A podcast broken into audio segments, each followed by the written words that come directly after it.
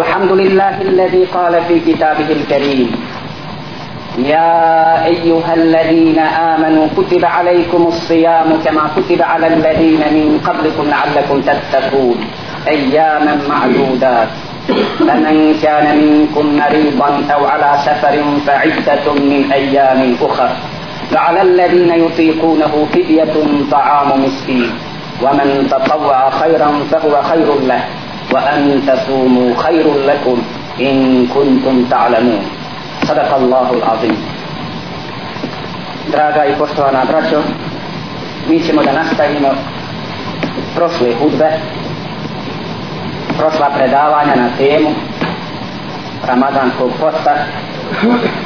Završili smo sa konstatacijom da permanentni post mjesec dana iz razloga što je to Allah Želešanu tako naredio i propisao time se postiže jedna ibadetska samokontrola i osjećaj blizine Allaha Želešanu i njegovog konstantnog praćenja naših ibadeta. Post kao ibadet i ne može niko drugi kontrolisati u pravom smislu osim Allaha Želešanu jer čovjek zatvoren u svoju kuću u četiri zida nikoga ne može pratiti. Da li će sigurno postiti ili neće osim Allaha Đelešanu. I zato se postom tim vidom ibadeta ulazi u sfere koje su spomenute u hadisu en ta'bud Allaha ka enneke tarah fa in lam takun tarah fa innahu jarak da obožavaš Allaha Đelešanu kao da ti njega gledaš. Pa iako ti njega ne možeš vidjeti, mi ga ne možemo na ovim dunjaločkim nekakvim sferama, ne možemo vidjeti. Pa iako mi njega ne vidimo, on nas vidi i on zna šta mi radimo. Postom se savladavaju prohtjevi, pori, strah i sehveta. I postač polako postaje gospodaren svojih sehveta, koliko ima oni koji su zagriženi, zagriženi duhanđije. Ramazan od sabaha do aksama ostavljaju tu, Znači vlada svojim emocijama. I posebno ovdje hoću danas da naglasim jednu konstantu ili jednu odliku, jednu specifiku Ramazanskog posta. A ta je da Ramazanski post u stvari upućuje na jednu specifiku islama. Da su u islamu svi muslimani jednaki. I osjećamo to uz Ramazan jedan primjer jedne masovne jednakosti gdje svaki pripadnik šehadeta ma kako on bio bogat ma kako on imao kod kuće pečene bolove ili bilo šta drugo da jede on ostaje jednak sa običnim siromahom koji možda nema za jedan dan ili za dva dana hrane. I on, i on poste i ne mrše i tu vidimo jednu jednakost među muslimanima. Ta jednakost se inače očituje kroz gotovo sve vidove i badeta u islamu. Ta komponenta jednakosti je recimo prisutna u namazu. Gdje svaki čovjek musliman koji je pripadnik islamskog ummeta staje u sah sa svojim bratom, pa makar on bio kralj, njemu je također obaveza da dođe u džaniju, da stane u sah i nema privilegovanih sahova u islamu. Samo jedan, samo jedno mjesto je privilegovano za imama, onaj koji ima, a može biti imam, opet zna se ko može biti imam. Jedino imam istupi i on ima mjesto. Svi ostali, nekakvi, sva ostala mjesta u sahu su za sve ljude. A to se samo jedno jednakost. Jeste da može bogatak da napravi čitavu džaniju, a ona postoji vakom, opet nije njegova. Ima jedna druga stvar, može bogatak kad izađe iz džanije, iz džanije da sjeda u najnoviji tip na sjede, pa da ga čeka da ga čeka vozač, da ga kod kuće čekaju lijepe, jugo, lijepi jugodni stanovi gdje ulazi, gdje ima klima uređaja, ima saune i tako dalje i tako dalje. Ako se u namazu, dok dolazi u džaniju, dok dolazi u sat, on treba da bude jednaka u svi ostali. Tu imam jednu komponentu jednakosti u namazu, ali je to kratko. Na hadu također imamo jednu malo dužu tu komponentu jednakosti kada svi moraju povući bez razlike one i hrane, ako hoće da obave hačke propise, pa bio on kralj, bio on car, bio obični čovjek, svi moraju ob, obući ona dva bijela testira za se u njih, pa makar neko imao hiljada odjela i hiljada cipela, ali tada kad obavlja te hačke obrede mora biti u ihranima i papućama. Međutim ovdje kod posta imamo sad jednu drugu komponentu jednakosti. To je jedna, jedan vid jednakosti koji se produžava čitav mjesec dana. Tu imamo već, slobodno možemo reći,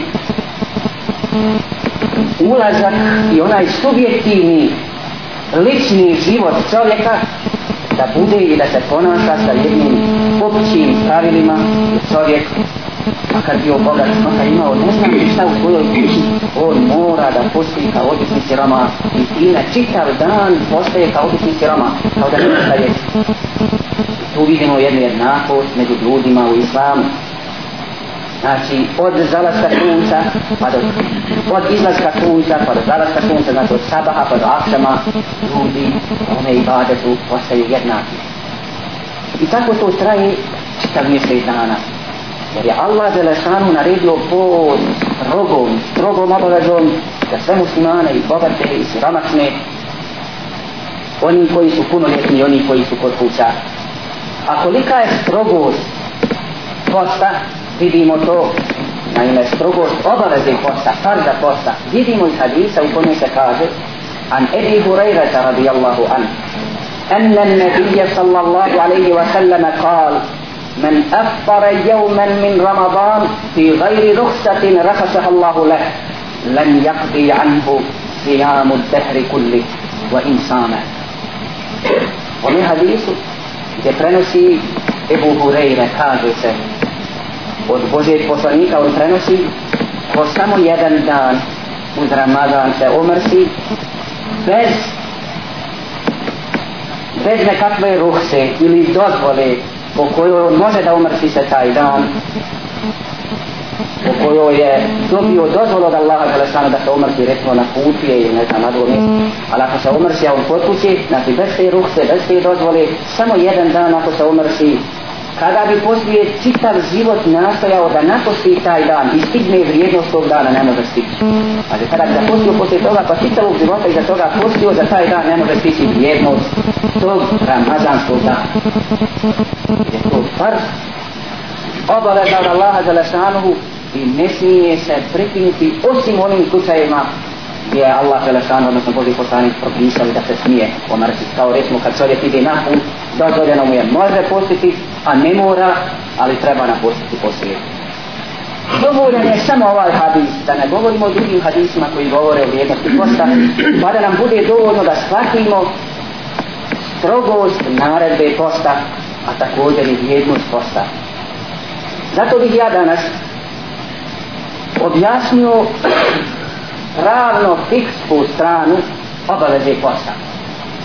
Prije svega, mjesec Ramazan mora postiti punoljetan, pametan, zdrav mu'min, koji je mukim, koji je kod kuće, znači nije na putu, također je žena mu'minka, koja je usto uz ove uslove koje sam navao još i čista od hajda i ili nifasa. Prema tome ne mora postiti nevjerni, ludak, dijete, bolesnik, putnik, žena s hajdom i nifasom, iznemogli starac i starica, trudnica i dojilja. E sad neki od ovih kategorija u osnovi nemaju obavezu posta, kao što je nevjernik i rudak recimo. Od nekih skrbnik ili otac traži da posti makar neke dane, kao što je dijete, da se navikne na post. Nekima je dužnost da ne posti, dužnost da ne posti, ali poslije moraju na posti. Kao što slučaj sa ženom u hajdu ili nifas, njima se ne prima post, njima je dužnost da mrse u takvom stanu, ali moraju posti na posti. A nekima ima dozvola, olakšica, da ne posti, ali da daju potku fidiju, kao što slučaj sa iznemognim starcom ili staricom.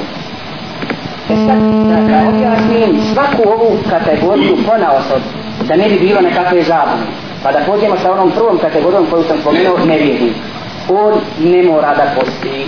Naime, nevjernik čini jedan grijeh koji je neoprostiv.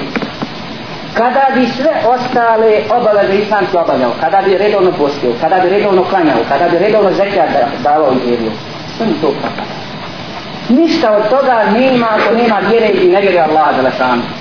Kada bi sad se nalazio među nama ovdje nevjernik, sa nama klanjao, sa nama postio, a bio nevjernik, ne vjerovao Allaha za lešanu i ne vjerovao da je to njemu farzer Allaha za lešanu, to sve njegov padao, ne vrijedi. Pravno fikska posljedica za nevjernika je ta da u islamskoj državi mi njega ne prisiljavamo na pol jer on nije dužan posti. On čini već grije sa kojim će ući u zahennem i ništa ga iz tog zahennema više neće izgledati. Ali u islamskoj državi ne smijemo ga natjerati da posti. Ono mi je ajetu la ikraha fi. Nema prisile u vjeru. Međutim, moramo ga i trebamo ga prisiliti da postuje taj Ramazan. Pa recimo u Saudijskoj Arabiji gdje vlada jedan dio šarijeta, tamo se odma na početku Ramazana i ta proglas u svim sredstvima javnog informisanja. Nastupio je mjesec Ramazan, mjesec posta i niko ne smije ostrnaviti dan Ramazanskog posta. Nema pušenja na ulici, nema jela, nema pila. Ne vidi. I on vjernik ne nevjernik ne vidi da na ulici ili nego u restoran da pije puši ili jedi. Ne. Ali ne smije ga natrati da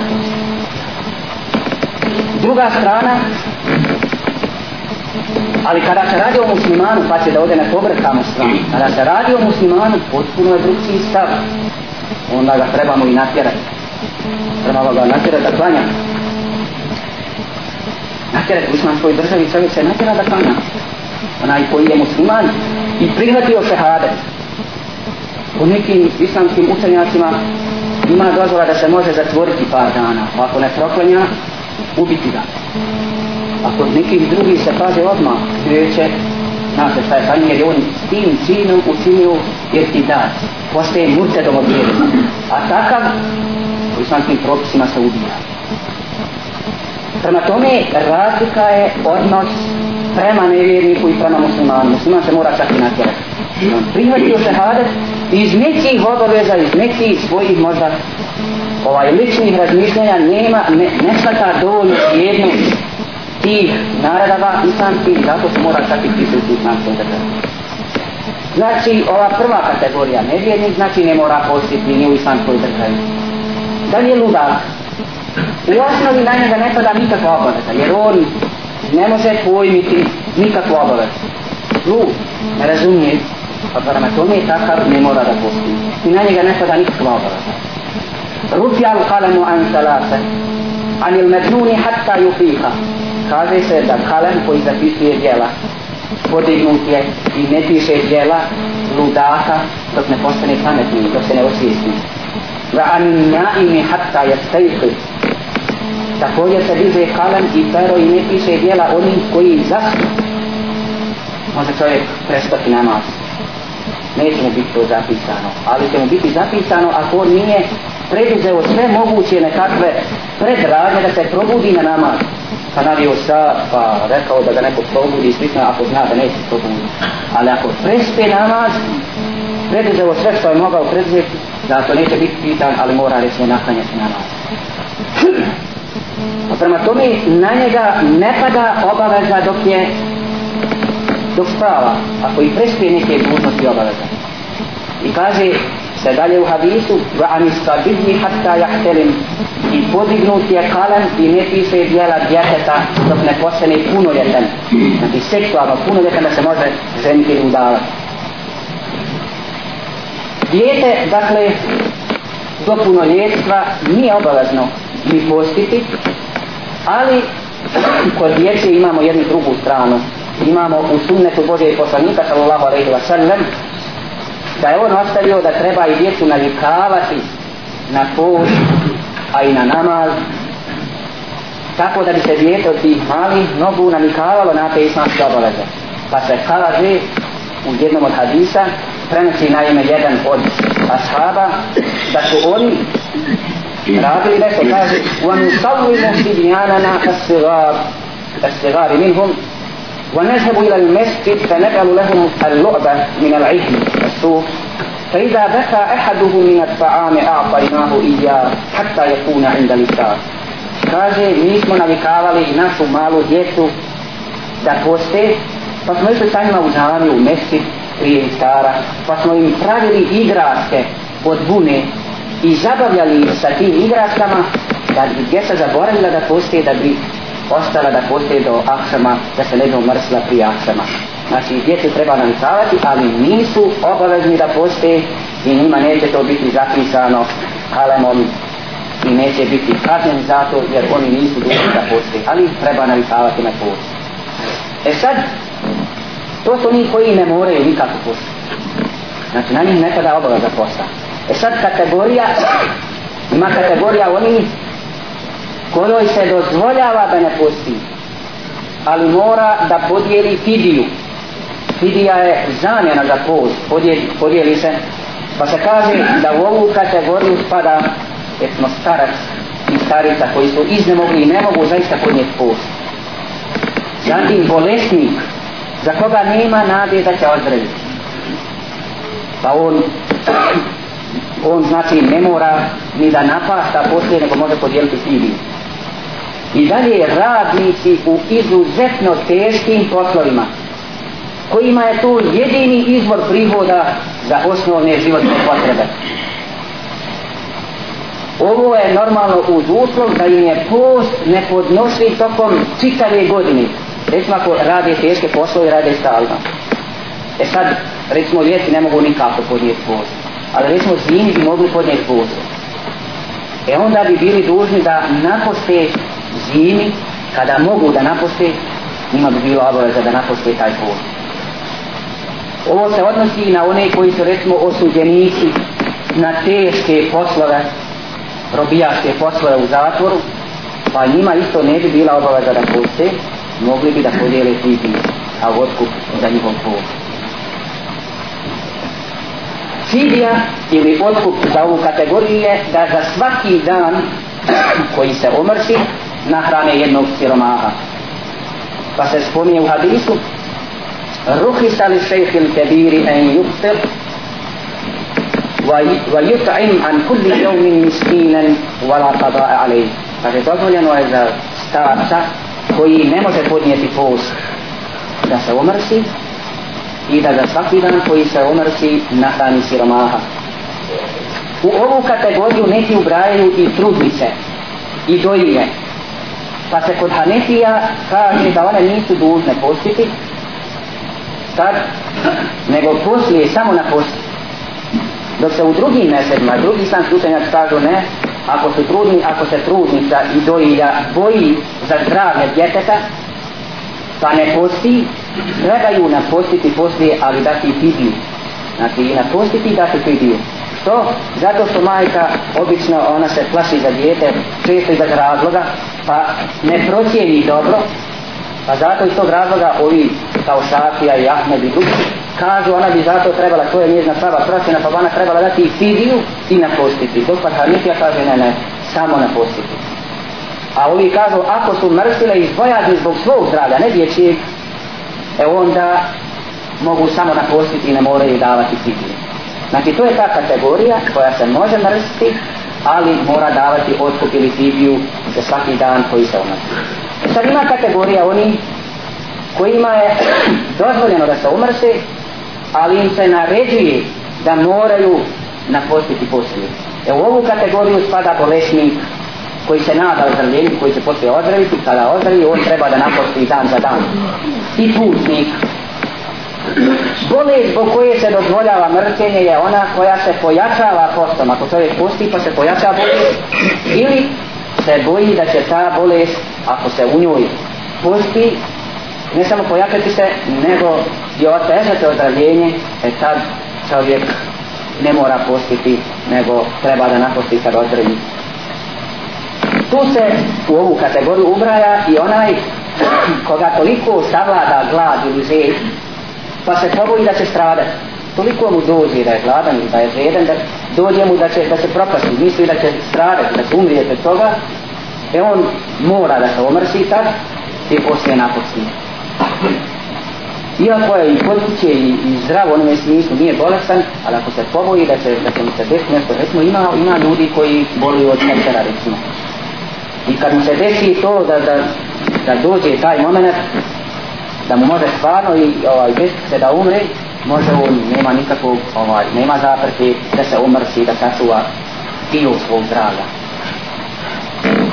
Ako bolestan posti, post mu je ispravan, ali je to mekruh, znači nije lijep, nije dobro, jer ne uzima olakšicu koja mu je propisana u vjeri da ne mora postiti, pa prema tome to mu je mekruh, a može da mu bude štete. Što se tiče putnika, njemu je isto. Ako hoće postiti, posti. Ako neće postiti, ne mora postiti, ali moraju poslije napostiti kada dođu kući poslije Ramazana. Kaže se u hadisu, kale Hamza, الأسلمي يا رسول الله أجد مني قوة على صوت السفر فهل علي جناح فقال هي رخصة من الله فمن أخذ بها فحسن ومن أحب أن يصوم فلا جناح عليه kaže se da je Hamza Veslemi rekao Božijem poslaniku ja imam kubata i kad sam na putu da postim. Pa je li na nami grijeha koja posti Boži poslanik mu je rekao to je olakšica od Allaha Đelešanovu pa ko uzme po toj olakšici od Allaha Đelešanovu to je dobro. A ko hoće da posti dozvoljeno mu je. I nije mu grijeh od tih koji su na putu. Ima četvrta kategorija. Kategorija oni kojima je obaveza da se umrsi i da ne posti. Kada bi postili, posti ne vredi. E u to spadaju žene koje su na dva stanja u hajde i nifasu. Njima je zabranjeno postiti u takvom stanju i ne prima se njihov post čak i bila griješna koji postila u takvom stanju. Ali poslije moraju napostiti kada su čiste. Kaže se وحديث عائشة رضي الله عنها عن عائشة قالت كنا نحيد على عهد رسول الله صلى الله عليه وسلم فنؤمر بقضاء الصوم ولا نؤمر بقضاء الصلاة kaže se u ovome hadisu od Ajše kaže mi smo kaže dešavalo nam se da smo nečiste za vrijeme Ramazana pa kaže bilo nam je naređeno od poslanika alaihi selam da napostimo post a što se tiče namaza nije nam naređeno da namaz ono klanjamo. znači ne moraju ponovo naklanjavati namaz ali to moraju. E to su te nekakve fikske odlike ili fiksko pravni status postača i kategorija postača. Smatrao sam da je obaveza da napomenemo te stvari jer svaki musliman mora i treba da zna ove osnovne stvari od svoje vjere. Ovdje bih, draga braćo, napomenuo jednu stvar. A ta je da mi imamo nekakvih obaveza i prema našoj domovi Bosni i Hercegovini. Imali smo sinoć jednu posjetu ovdje.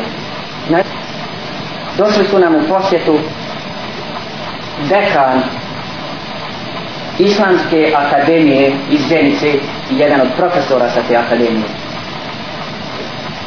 u vrijeme ovo, ovog rata desilo se da su mnogi ljudi počeli da se vraćaju islam. Desilo se jedno buđenje islamsko. To se osjetilo i na tome da su počele nicati islamske institucije obrazom. Dosta, dosta medresa u Bosni. I ne samo u Bosni nego izvan Bosne u mjestima gdje su našim hađe imamo i ovu islamsku akademiju koja će inša Allah uskoro možda prerasti u visokoškolsku ustanovu ona je sad dvije godine u nivou pola fakulteta ali će prerasti inša Allah u status fakulteta uskoro. Pa su izišli dekan te akademije jedan od profesora znači dekan e, profesor e, Nusret Misanović i profesor magistar Šefi Kurdić koji je magistrirao hadis u Tunisu. Pa su nas nakratko posjetili svi noći i danas su oni u jednoj od ovih arabskih džamija gdje će govoriti o, toj islamskoj instituciji i pokušati da sakpe nešto novca za tu instituciju. Pa kaže, i mi imamo obavezu prema našoj Bosni i mi imamo obaveza normalno koji možemo izvršavati sprem prenošenja tog emaneta, pa taj emanet se prenosi kroz te islamske institucije, između ostalog kroz tu islamsku akademiju, ako Bog da inša Allah, pa ko može nešto dati za tu islamsku instituciju, ako Bog da inša Allah, nakon klanjanja sume namaza imati jednu energiju za njih. Pa eto, moja napomena u vezi toga, uz molbu Allahu Želešanu da nas uputi i vodi pravim putem, ekulu qavli hada, navestemo jedan sadržajan, koncizan hadis koji sadrži čitavu hutbu o vrijednostima i fabiletima posta. Prenosi se od Salmana radijallahu anhu. وعن سلمان رضي الله عنه قال خطبنا رسول الله صلى الله عليه وسلم في آخر يوم من شعبان قال قال سلمان jedan od ashaba kaže držao nam je Boži poslanik hutbu zadnji dan mjeseca Šabana pa je rekao يا أيها الناس قد أظلكم شهر عظيم مبارك rekao je o ljudi došao vam mjesec veličanstveni baričetni šehrun fihi lejletun hajru min elfi šehr to je mjesec u kome je noć vrednija od hiljadu mjeseci. Šehrun ja'ala Allahu sijamahu fariba. To je mjesec koji je Allah Đelešanuhu učinio farzom, učinio obavezom wa qiyama lejleti wa qiyama lejlihi tatabu'a a učinio je da se noći tog mjeseca provode u ibadetu koji nije obavezan i nije fard. Men taqarraba fihi bi haslatin min al khayri kana kaman adda faribatan fi ma siwa.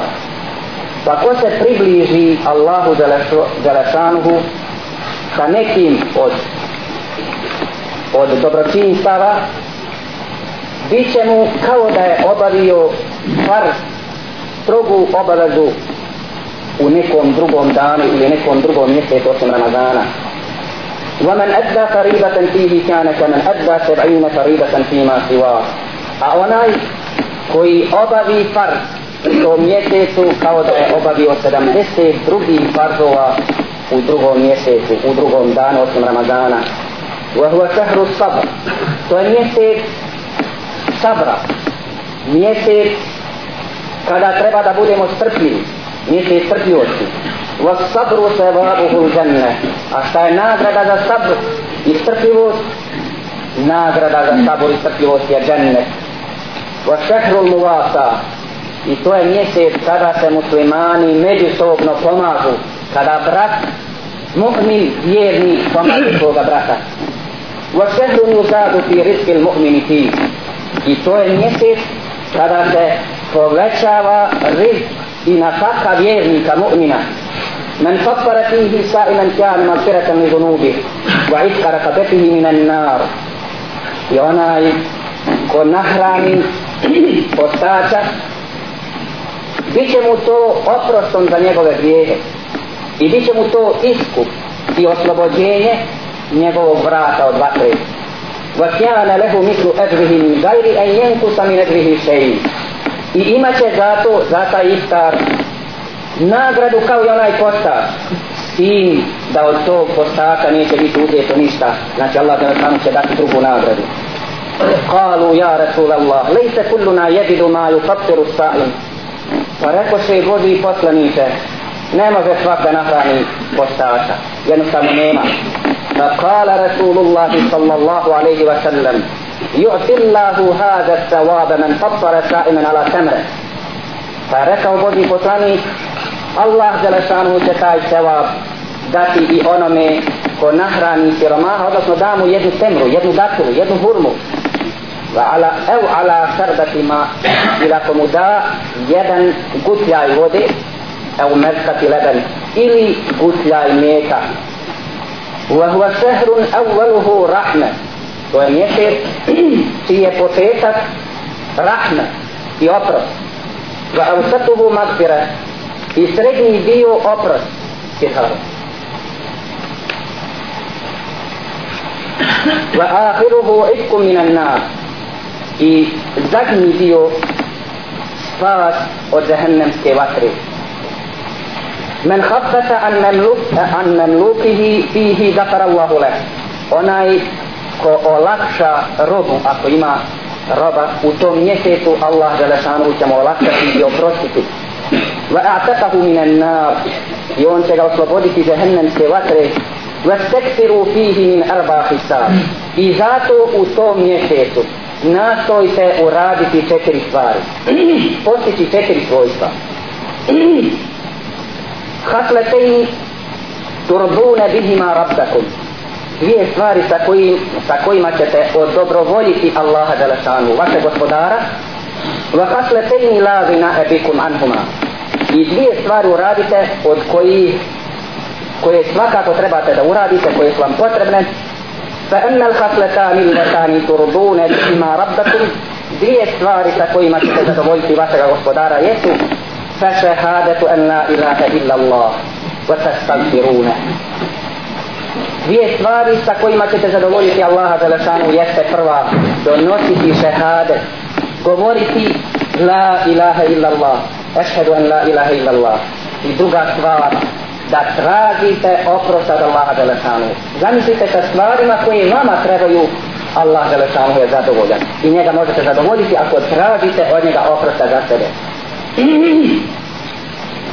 وأما الخصلتان اللتان لا غناء بكم عنهما A što se tiče dvije stvari od kojih nikako ne treba da se odreknete ih فتسألون الله الجنة prva je stvar da tražite od Allaha Đelešanu u džennet وتعوذون به من النار a druga stvar je da tražite od Allaha Đelešanu da vas spavate džehennemske vatre. ومن سقى سائما سقاه الله من حوضي شربة لا يزمع حتى يدخل الجنة i nakon toga hadisa Boži poslanik završava pa tako napoji postača Allah Đelešanu će njega napojiti sa moga hauda odnosno sa poslanikovog vrela nakon čega neće ožednjeti dok ne uđe u džennet. Vidjet smo u ovome sadržajnom, konciznom hadisu sve ono čega bismo se trebali pridržavati za vrijeme Ramazani šerifa. Za vrijeme tog mjeseca daričeta, mjeseca posta, mjeseca oprosta, mjeseca u kome se oslobađa od vatre. Prenosi se u jednom drugom hadisu o vrijednosti toga mjeseca. وعن أبي هريرة رضي الله عنه عن رسول الله صلى الله عليه وسلم قال الصلوات الخمس والجمعة إلى الجمعة ورمضان إلى رمضان مكفرات ما بينهن إذا اجتنبت الكبائر kaže se da namaz pa do drugog namaza a zatim džuma do druge džume i ramazan do drugog ramazana. Su stvari koje brišu ono što se učini od greha između ako se nastoji čuvati od velikih teških greha a u drugom hadisu vam Ka'b ibn Udrata radijallahu anhu kal قال رسول الله صلى الله عليه وسلم احضر المنبر فحضرنا فلما ارتقى درجة قال آمين od Djaba ibn Uzreta se prenosi da je Boži poslanik rekao ashabima priđite bliže uh, mihrabu odnosno minberu gdje se popao da drži hutbu pa zatim popao se na jednu stepenicu tog minbera pa rekao amin فلما ارتقى الدرجة الثانية قال آمين zatim se popao na drugu stepenicu pa opet izrekao amin فلما ارتقى الدرجة الثالثة قال آمين i onda na treću se stepenicu popao i opet isti slučaj izgovara amin فلما نزل قلنا يا رسول الله لقد سمعنا منك اليوم شيئا ما كنا نسمعه فقد završio sa hudbom i išao pitaju Božih poslanika. Božih poslanika danas smo čuli od tebe što nikad ranije nismo čuli. Gotovo ste na prvu stepencu kažeš amin, a zatim na drugu stepencu pa kažeš amin, pa na treću stepencu pa kažeš amin. Pa šta je na stvari? Nikada ranije tako nešto nismo čuli od tebe. Kal, إن جبريل عليه السلام عرض لي فقال بعد من أدرك رمضان فلم يغفر له قل آمين فقال بوشي poslanik Džibrili Emin mi je ponudio rekavši neka je daleko i neka je teško onome ko dočeka Ramazan pa mu se u tom Ramazanu ne oprosti pa sam rekao amin, e neka bude tako, neka to Allah upuša. فلما رقيت الثانية قال بعد من ذكرت عنده فلم يصلي عليك فقلت آمين A kada sam se popao na drugu stepenicu, rekao je i ponudio mi Žibril Eni, ponudio mi je da kada se spomene, znači kada se spomene ime Bože poslanika Muhammed sallallahu alaihi wa sallam, pa ko ne reče iza toga sallallahu alaihi wa sallam, ili ne donese salavat na poslanika alaihi sallam, neka je teško njemu, pa sam rekao i na to amin. فلما رقيت الثالثة قال بعد من أدرك أبويه الكبر عنده أو أحدهما فلم يدخلاه الجنة قلت آمين I na trećoj stepenici mi je ponudio Džibrili Emin da kažem amin nakon što mi je rekao teško onome ko dočeka starost svojih roditelja ili jednog od njih pa dobročinstvom prema njemu ili prema njima ne uđe u džennet pa sam rekao amin teško njemu ako ne bude imao to dobročinstvo prema svom roditelju i toga ne uvede u džennet. Znači, tri stvari spomenu Boži poslani, teško vjerniku, teško mu'minu, teško pripadniku ovoga šehadeta, ako ih se ne bude držao.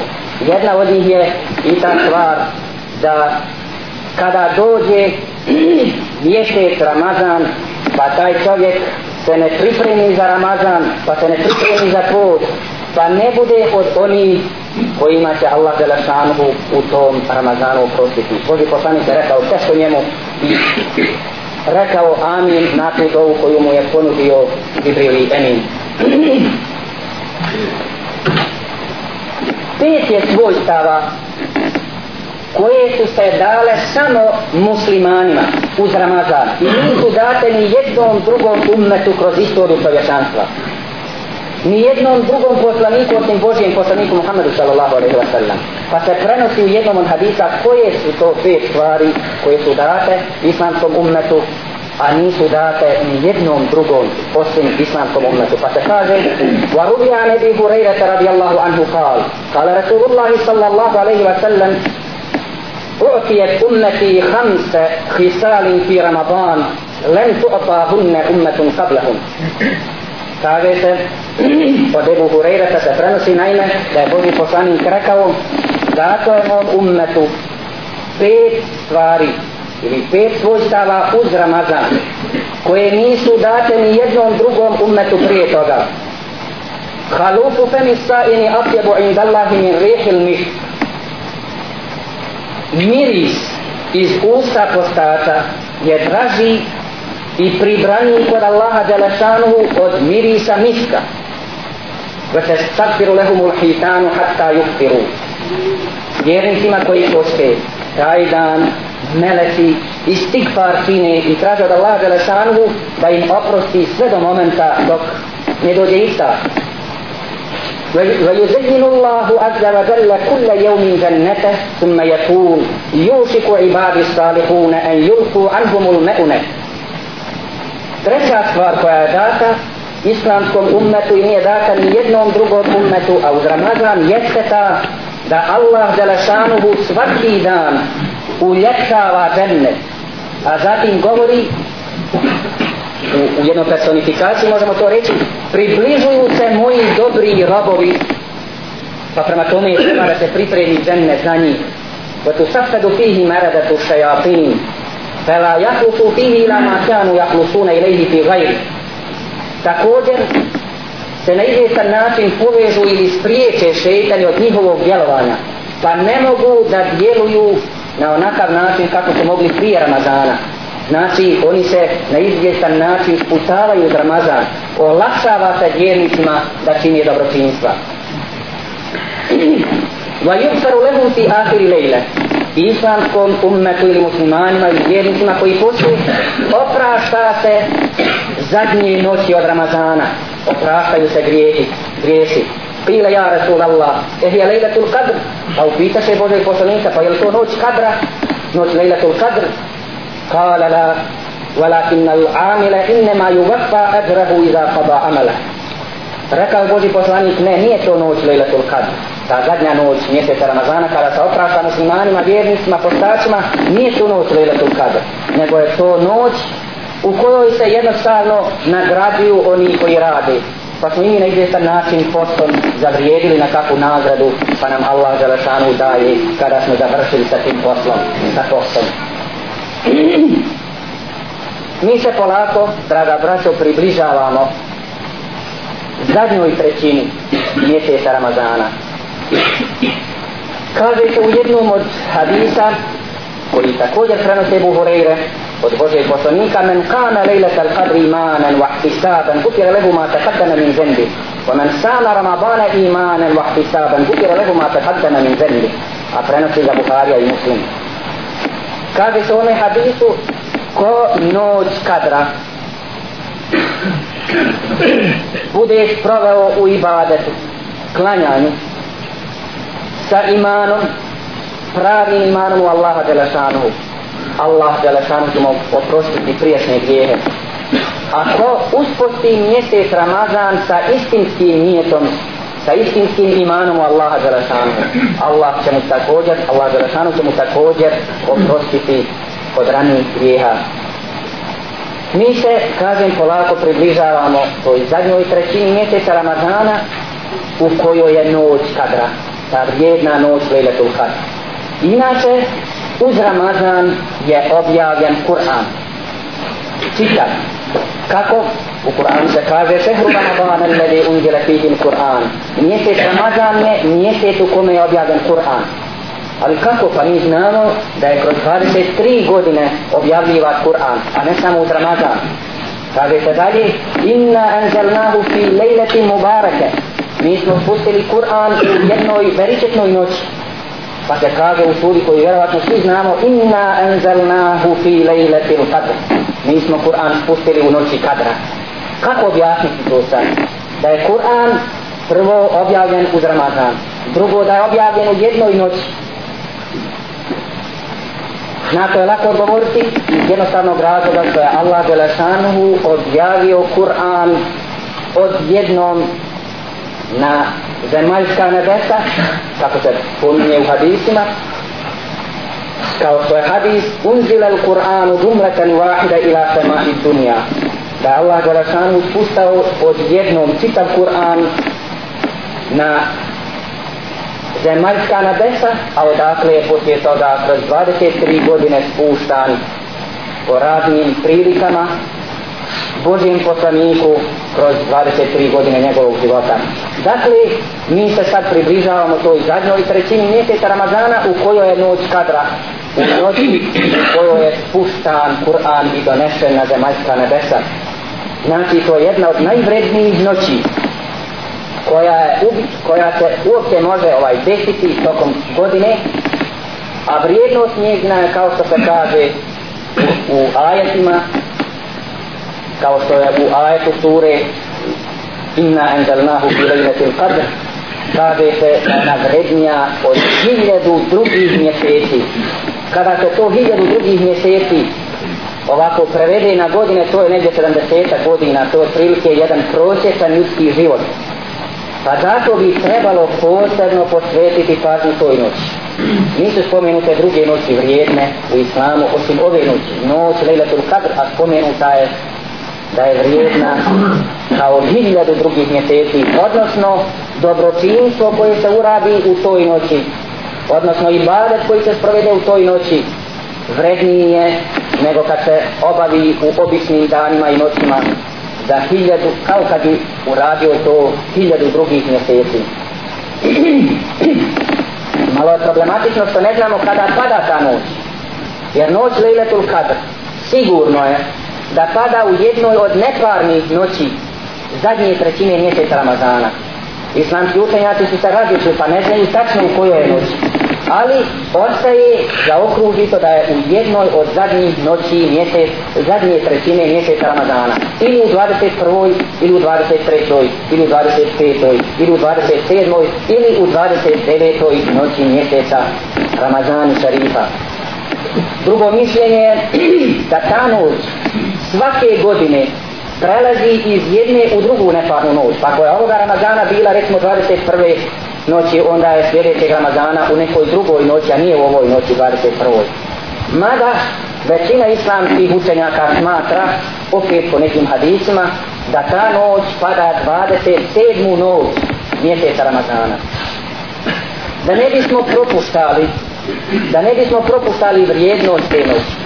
Iz tih razloga najbolje je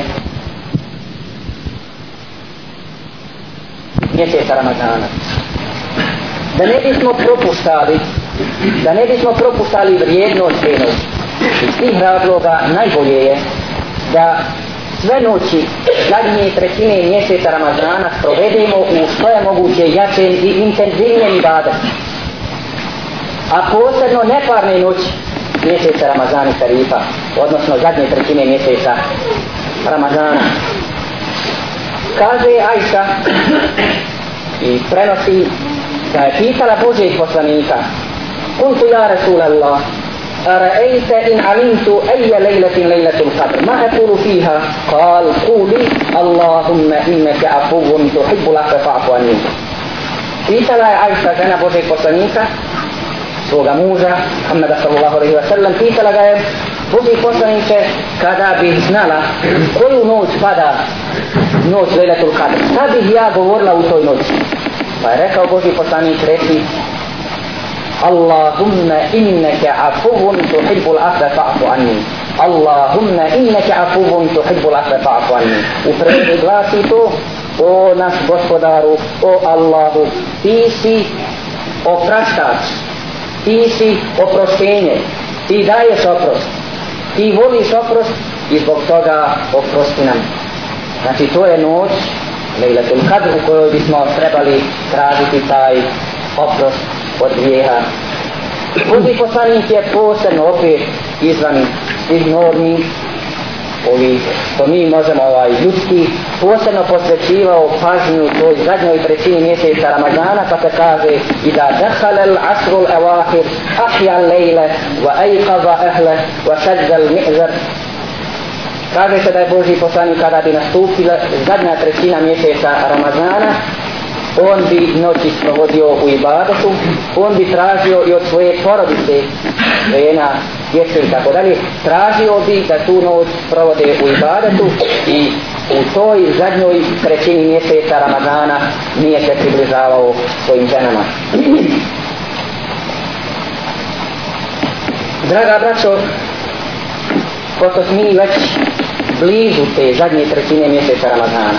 Uz nastoja ćemo ako Bog da inša Allah, jer je danas već 18. sutra je 19. predstra je 20. znači već predstra bi trebalo započeti, jer je to 21. noć, trebalo bi započeti sa intenzivnim ibadetom, sa intenzivnim istighfarom i traženjem oprosta od Allaha Đelešanu.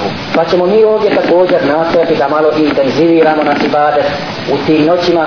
Ne bismo li uspjeli dobiti nešto od te Allahove Želešanu milosti. A zaista Allah Želešanu milosti i ne samo milosti, nego premilosti onaj koji će zaista odgovoriti na naše istifare, na naše molbe, na naše dove, a mi treba da nastojimo da budemo od onih koji će tražiti to, ne kažem na dosadan način, nego ponavljati to, jer Allah Đelešanu je taj kome ne može dosaditi dova. I on to traži od nas da budemo uvijek u ibadetu da tražimo od njega a on je taj koji će nam odgovoriti na to. Draga braćo također približava se i kraj Ramazani šerifa. Imaju i neke obaveze u Ramazani šerif koje padaju na sve mu'mine koji postoje čak i na siromatne a to je davanje sadakatul fitr. Sadakatul fitr koji će biti otkupom za naše greške koje se dešavaju u našem postu Pa ćemo o tome, ako Bog da niša Allah, pošto ima još vremena za to, posebno govoriti u noćima ovim ramazanskim, na Taravi, u vrijeme taravije, pred taravije i tako dalje. A sad ćemo završiti s molbom Allahu Đelešanu da nas uputi i vodi pravim putem. Mi smo svjedoci prolaza. Stariji se vjerovatno sjećaju kad su kao djeca počinjali da dolaze u safove da dolaze u džami. Sjećamo se vjerovatno mnogi od nas neki koji su bili u safovima nema ih više. Napustali su te safove i preselili. Ponekad se probudi kod čovjeka osjećaj sjećanja na prolaznost ali inače čovjek malo se sjeća toga. Ponekad od dženaze do dženaze sjeti se da ima i to da ćemo preseliti i da moramo preseliti sa ova dinaluka na prolaznost nas osjećaju mnoge stvari između ostalog i godišnja doba. Sada vidimo da polako zima ustupa mjesto proljeću a na tu prolaznost dunjalučku podsjeća nas i Kur'an. Kada kaže inneke mejitun wa innehum mejitun i ti si mrtav i oni su mrtvi. To znači nećeš ostati na ome dunjaluku nego proći ćeš i otićeš sa njega. Svak će umri nisi proći i kad dođe melek smrti ništa više ne može to spriječiti i zaustaviti ili pomaknuti taj eder kaže se u Kur'an Azimuša وَلِكُلِّ أُمَّةٍ أَجَلٍ فإذا جاء أجلهم لا يستأخرون ساعة ولا يستقدمون هذا svaki ummet ima svoj ađel vrijeme umiranja polaznosti pa kada dođe njima taj njihov ađel neće ga moći pomjeriti jedan sahat niti učiniti da dođe prije ولن يؤخر الله نفسا إذا جاء أجلها والله خبير بما تعملون يا الله جل شانه nikom je neće ostaviti da se pomakne njegov eđer jednoj osobi a Allah zna i obaviješten je onome što radite ukratko da sumiramo da zaista ima jedna neminovna prolaznost i možemo konstatovati i konstatirati kullu nefsin za'iqatul maut summa ilajna turdaun svaka osoba će smrti opustiti i zatim se Allahu povratiti. Međutim mnogi neće sebi to da priznaju. Neće da priznaju da i sami potpadaju pod tu prolaznost koju se ne može izmaknuti. قل إن الموت الذي تفرون منه فإنه ملاقيكم رسي zaista smrt je ta od koje bježe ali će ih ona stići i susresti ثم تردون إلى عالم الغيب والشهادة فينبئكم بما كنتم تعملون a zatim će biti povraćeni zatim ćete biti povraćeni onome koji zna pojavni i tajni svijet pa će vas on obavijestiti o onome što ste radili nećete ga morati vi obavještavati nego će on vas obavijestiti o onome što ste radili E toj prolaznosti, općoj, globalnoj prolaznosti, ne izmiče ni naš dragi gost, Ramazan i Šerif. Ramazan, Mubarek mjesec. Mi smo već duboko zagazili u tu zadnju trećinu mjeseca Ramazana.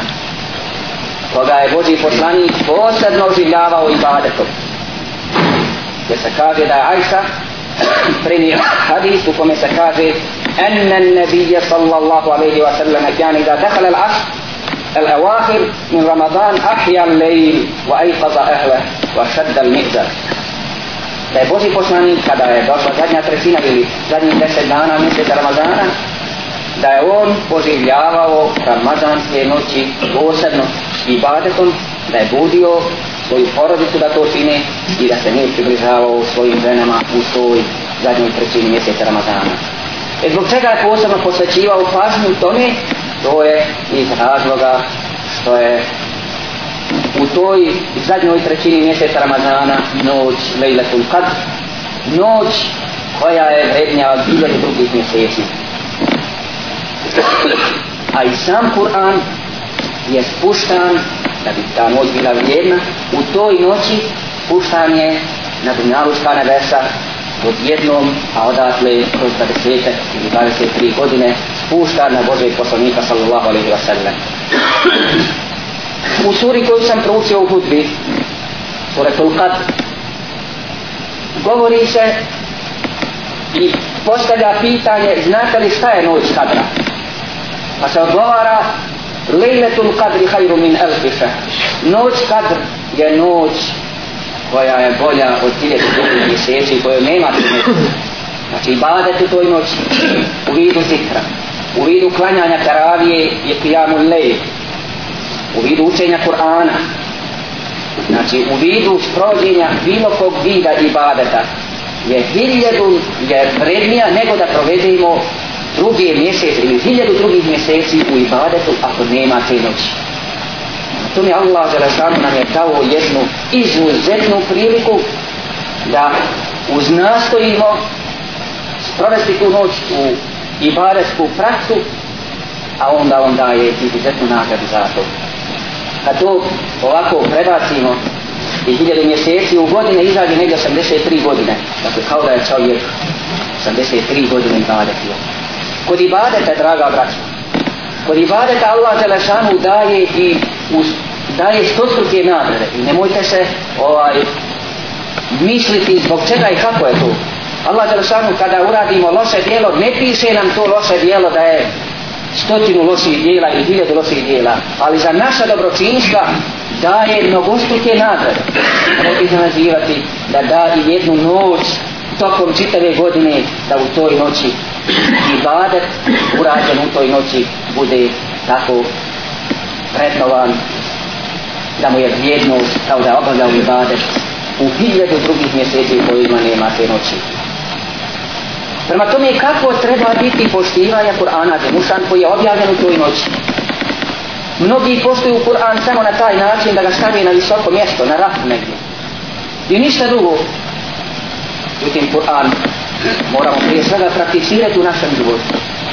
I moramo taj Kur'an učiti. I moramo taj Kur'an podučavati mlađi. Mi ovdje, Boga inša Allah, imamo djetsku pouku za djecu koja je subotom i nedjeljom od 10 sati. Također imamo nekakav odvojni vid predavanja za omladinu i za itivije namaza subotom i nedjeljom. Vjerovatno ćemo promijeniti taj termin, ali ovaj termin za malu djecu u 10 sati ostaje i poslije. Pa prema tome, odazovimo se tome. Tokom Ramazani šarifa imali smo i učenje Mukabele. I to je vid, jedan vid poštivanja Kur'ana, učenje njegovo i slušanje učenja tog Kur'ana. Pa ćemo imati ako Bog da inša Allah prije Bajrama ovaj tu hatma dovu za mukabelu. A što se tiče noći Lejletul Kadr, za koju ne znamo tačno kada pada, ali pada u jednoj od neparnih noći i mjeseca Ramazana, mi nastojimo pojačati i intenzivirati taj ibadat noćni ovdje ne bismo li uhvatili te sevata koji nam se nude zbog veličanstvene vrijednosti te noći. Pa ćemo, pošto je jedno od najpribranijih mišljenja da ta noć je Ilatul da ne znamo sigurno, opet ponavljam, pada 27. noć. Kada to nije sigurno 100%, ali znaju da ranije mišljenje da ona ipak pada 27. noć, mi ćemo ovdje završiti ako Bog da inša Allah sa učenjem Kur'ana znači sa hatmom jer smo tokom Ramazani šarifa uz terapiju, uz teraviju učili Kur'an i za 27. noć ako Boga da inša Allah ćemo završiti ali bilo lijepo svi oni koji su dolazili tu koji su slušali učenje Kur'ana za koje ima izuzetna vrijednost ne za svaku riječ ili za svaki ajet koji se čuje ili koji se prouči nego za svaki har, za svako slovo Allah da daje desko rostruko pa eto koji su dolazili koji mogu doći neka dođi 27. noć jer ćemo imati tu hatma dovu na Kur'an, na proučeni Kur'an na proučeno učenje, na kiraet tokom Ramazani Šerifa, tokom teravija pa na kojem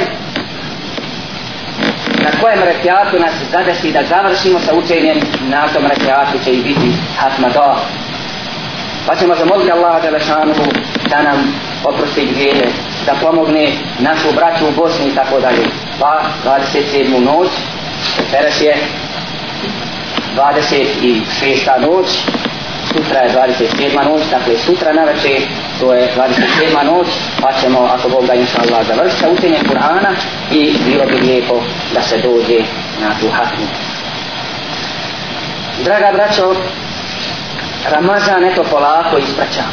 Iako smo još u ovoj zadnjoj trećini, ali Ramazan polako ispraćamo. Kako se osjećati sad kad ispraćamo tog dragog nam gosta? treba da se osjećamo kao onaj koji je imao jedan lagahan posao koji mu je donio basnoslovnu zaradu nebrojenu, ogromnu zaradu a to je u vidu sevapa koje mu je Allah Đelešanu dao iz razloga što je ibadetio, iz razloga što je postio, iz razloga što se uzdržavao od djela pića, približavanje ženi u toku dana i tako dalje, dakle što je postio, pa mu Allah Đelešanu dade vlasnislovnu nagradu. Jer ako neko ispostio Ramazan u ime Allaha Đelešanu i to posto na način kako mu je Allah Đelešanu naredio i kako mu je to poslanik alaihi salam opisao i ostavio u vasijetu hadisu u kome se kaže Iza sumta fal jednom samu wa basaru wa lisanuke anil kezibi wal mahari. Kada pustiš neka pusti tvoje uho i neka pusti tvoje oko i neka pusti tvoj jezik od laži i zabranjenih stvari. Wa da edel džar i nemoj mučiti svoga komšiju nečim.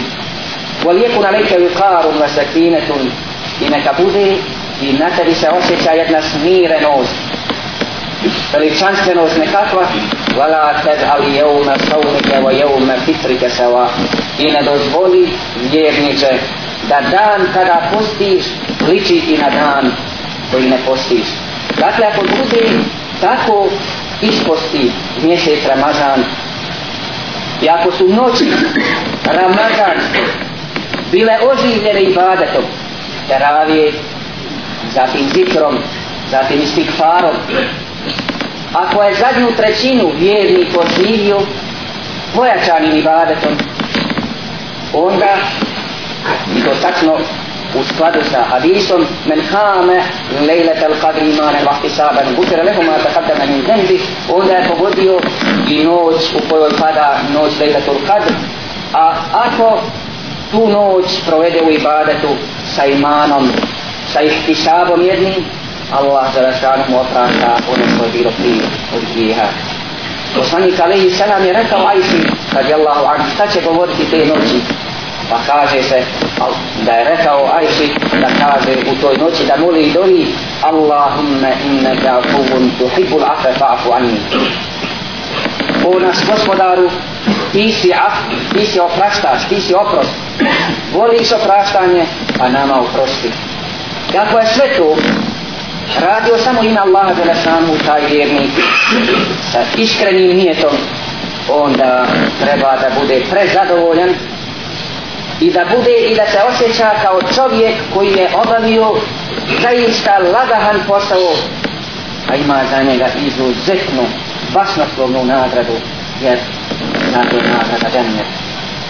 Allah Đelešanu obećaje tu nagradu kroz hadis u kome se kaže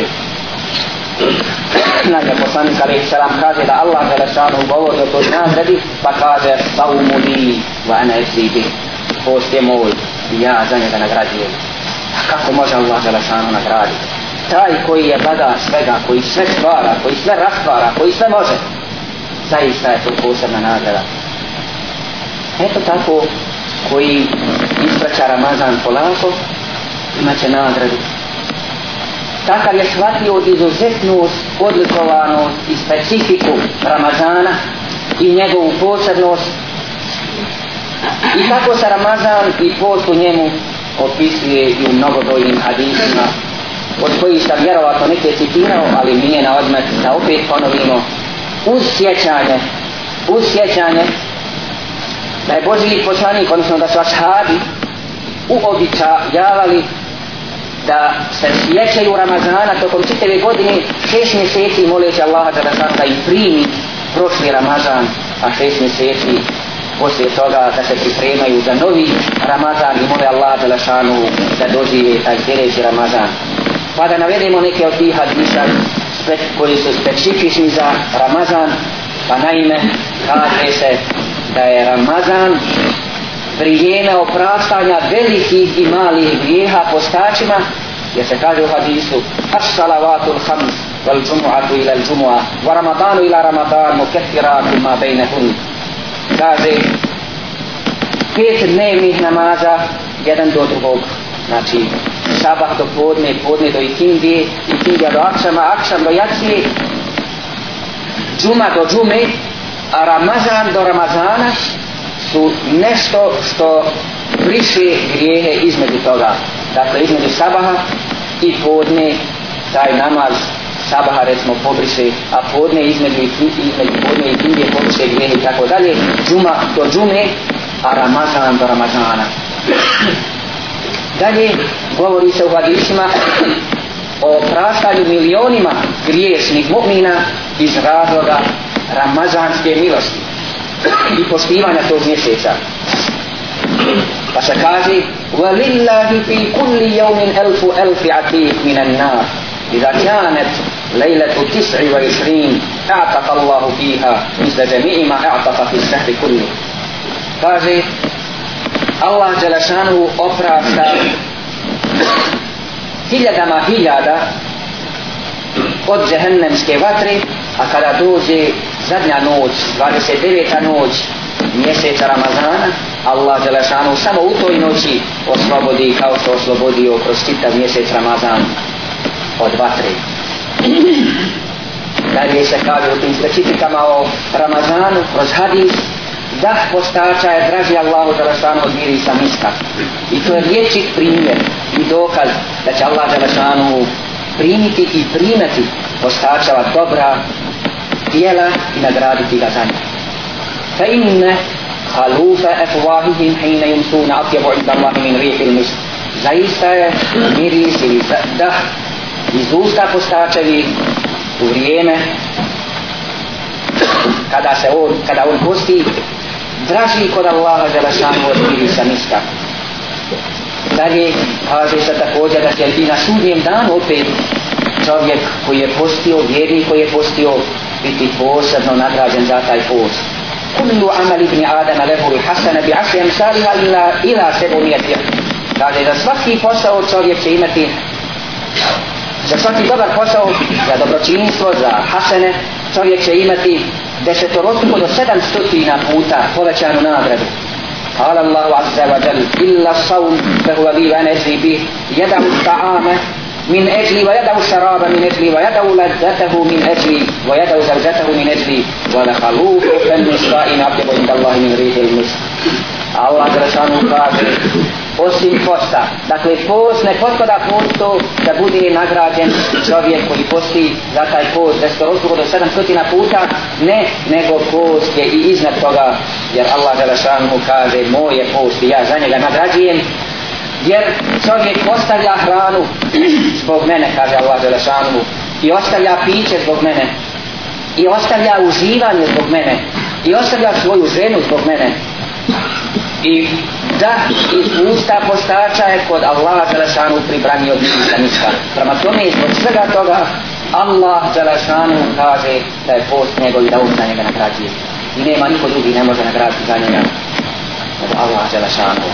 A zdrav, pametan, punoljetan mukim, znači čovjek koji je kod kuće, koji je na putu, mu'min, ne dužan da posti. I post, taj post, ta aktivnost posta, rastavlja čovjeka vjernika od munafika. Inna Allahe yakfiru fi awali lejleti min šehre Ramadana li kulli hadihi l-qirle. Wa šara bi jedihi ilaiha. Rekao Boži poslanik da, da Allah Đalešanu na početku Ramazana oprašta pripadnicima kibli, odnosno pripadnicima islamskog ummeta, a zatim pokazao rukom na prisutne muslimane. فجعل رجل بين يديه يهز رأسه ويقول بخ بخ a jedan od prisutnih ashaba je počeo vrtiti glavom i razavajući glas čuđenja. فقال رسول الله صلى الله عليه وسلم يا فلان ضاق بني صدرك pa ga upita Boži poslanik šta te je to pogodilo kod ovoga što sam rekao فقال لا فقال Walakin zakatul munafik. Pa kaže ovaj čovjek, ne, nije me ništa pogodilo, nego kaže, sjetio sam se munafika. Pa kal, innal munafikina humul kafirin, wa lise lil kafirina ti zalika kešej. Pa onda Boži poslani kaže, oni nisu pripadnici ovoga ummeta, jer munafici se smatraju kafirima, znači prikrivenim nevjernicima, pa prema tome za njih ne vrijedi ta nazad. Dakle, čovjek vjerni postom, svojim postom se rastavlja i distancira od tog munafikluka i čovjek s tim postom izlazi u redove islamskog ummeta onaj koji ne posti dakle koji neće da posti ne prihvata post kao obavezu svrstava se u red munafika znamo također ako idemo dalje kroz te specifike ramadanske, o spuštanju Allahovog rahmeta blagoslova na postače vjernike isputavanje šeitana da ne mogu raditi loša djela i nagovarati čovjeka na njih onako slobodno kao što su to radili u drugim danima kada nema Ramazana. I za džaja Ramadan, utiham eblabu dženne, kada dođe vrijeme Ramazana, otvaraju se vrata džennecka. A vagullikat eblabu nar, zatvaraju se vrata pakla ili džehennema, va sufideti šajatin, a sputavaju se šeitani. Va yunadi munadi ja babi al hajr iqsir, va ja I onda se pusti telal da viče, o ti koji hoćeš dobro da uradiš, radi ga. Sada priđi i radi to dobro i hajr. A kaže se onome koji zločini, ti koji hoćeš zlo da činiš, sada se ustegni od njega. Tako taj telal nebeski poviče. Dalje, od tih specifika udovoljava se dovama uz Ramazan, draga braće. Udovoljava se dovama koje se iskreno upute Allah za lesanu. Inna li sa'imi inda fitrihi le da'wa ma turet. Zaista postač, iskreni postač, prilikom omrka ima dovu kada zamoli Allaha za lesanu, udovoljava se toj dovi. A ta dova je, kao što znate, došla kroz hadis Božijeg poslanika, kaže se u toj dovi, Allahumma leke sum, o moj gospodaru, tebi sam postio, wa ala rizqika aftar, na tvom rizku ja se mrsim, wa bike amen, ja u tebe vjerujem, wa leke eslem, wa alejke tavakkelu, tebi se počinjavam i na tebe se oslanjam. فإنه ورد أن من قال ذلك كتب له أجر كل صائم صام فسفنسي كو رجي تاكو da mu se piše nagrada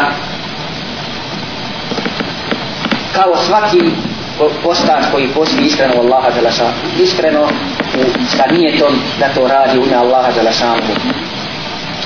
Također govori se o tome o tim specifikama ramazanskim da se čiste ili očiste knjige postača u koja se u koje se pisu dobra djela. Također se kaže da se povećavaju seba za učinjena dobra djela. من تقرب فيه بخصلة من الخير كان كمن أدى فريدة فيما سواه ko se približi Allahu Đelešanu u mjesecu Ramazanu sa svojstvom dobra nešto što nije naređeno to je isto kao da je obavio fars u nekom drugom vremenu osim ramazanskom vamen eda faridatan fihi kana kaman eda sab'ina fadila a onaj ko obavi fars uz ramazan kao da je obavio 70 farzova u drugom vremenu osim ramazanskom wa huwa sahru sabr se sawabuhu al-janna to je mjesec sabra mjesec kada čovjek treba da bude strpljiv a nagrada za strpljivost je džennet. I naveo sam i prošli put jedan hadis koji zaista govori o specifiki to mjeseca Ramazana i posta u njemu. Naime Ramazan je takav. I post uz Ramazan je takav da ko se omrsi bez valjanog razloga zato a dužan je da posti vrijednost tog dana ne može nadoknaditi kako se kaže u hadisu kada bi za toga čitav život postio vrijednost tog jednog dana koga je tako prekršio ne može više, više dostići. Men aftare jeumen ramadana min gajri ruksatin, wala maradin lem jakdihi saumu dehli kuti gledisana ko jedan ramazanski dan se omrsi omrsi bez dozvole zato da pa ne, ne bude recimo bolestan ili slično, ne bude na putu i tako dalje, više ne može stići vrijednost tog dana kada bi čitao vrijeme postio. I sjećamo se i hadisa koji govore o specifiki Ramazana i posta da teško onome uz Ramazan ko ne iskoristi priliku da mu se zbog ibadeta uz Ramazan ne oproste griješ ko prođe kroz Ramazan a ne budu mu oprosteni griješ kaže teško tome ko ne iskoristi tu šansu Be'ude men edrake Ramadan elem yufarle teško onome i daleko je onaj ko dospije do Ramazana pa mu se ne oprosti u tom Ramazanu. I na ovo je rekao, kada mu je spomenuo Zibrili Emin, Boži poslanik Amin, pa neka tako. Draga braćo, polako, kako vidimo, izlazimo iz ovoga Ramazana šarifa, ostavljamo to dragog nam gosta i on nas ostavlja i odlazi. Dolazi nam dan veselja a to je Bajram koji će vjerovatno biti u četvrtak. Najvjerovatnije 95% inša Allah biti u četvrtak. Može se desiti da bude ranije vidjan mađar pa bi zato bilo dobro i lijepo da se uoči srijede ovaj, u najmanju ruku čujemo ovdje telefonom da znamo da nije uspije Jer može se desiti ako bude vidjan mađar prije onda bi mogao biti prije može biti 29 dana Ramazan a upotpunjava se sa 30. danom, pa inša Allah najvjerovatnije da će biti u četvrtak, pa tako da znate. Biće klanjati i ovdje, u ovim prostorijama, alhamdulillah, može stati velik broj klanjača, možemo to obaviti i ovim pratećim prostorijama ako bude velik broj klanjača, pa tako da se nadamo već da je u četvrtak, ako Bog da inša Allah, Bajram, i da ćemo ga klanjati, a ipak eto radi sigurnosti dobro bi bilo da se čujemo na teravi u utorak na večer oči slijede, dakle da vidimo da slučajno nije viđen mlađak kada bude u srijedu, odnosno dan prije. أقول قولي هذا وأستغفر الله لي ولكم ولسائر المؤمنين والمؤمنات والمسلمين والمسلمات الأحياء منهم والأموات برحمتك يا أرحم الراحمين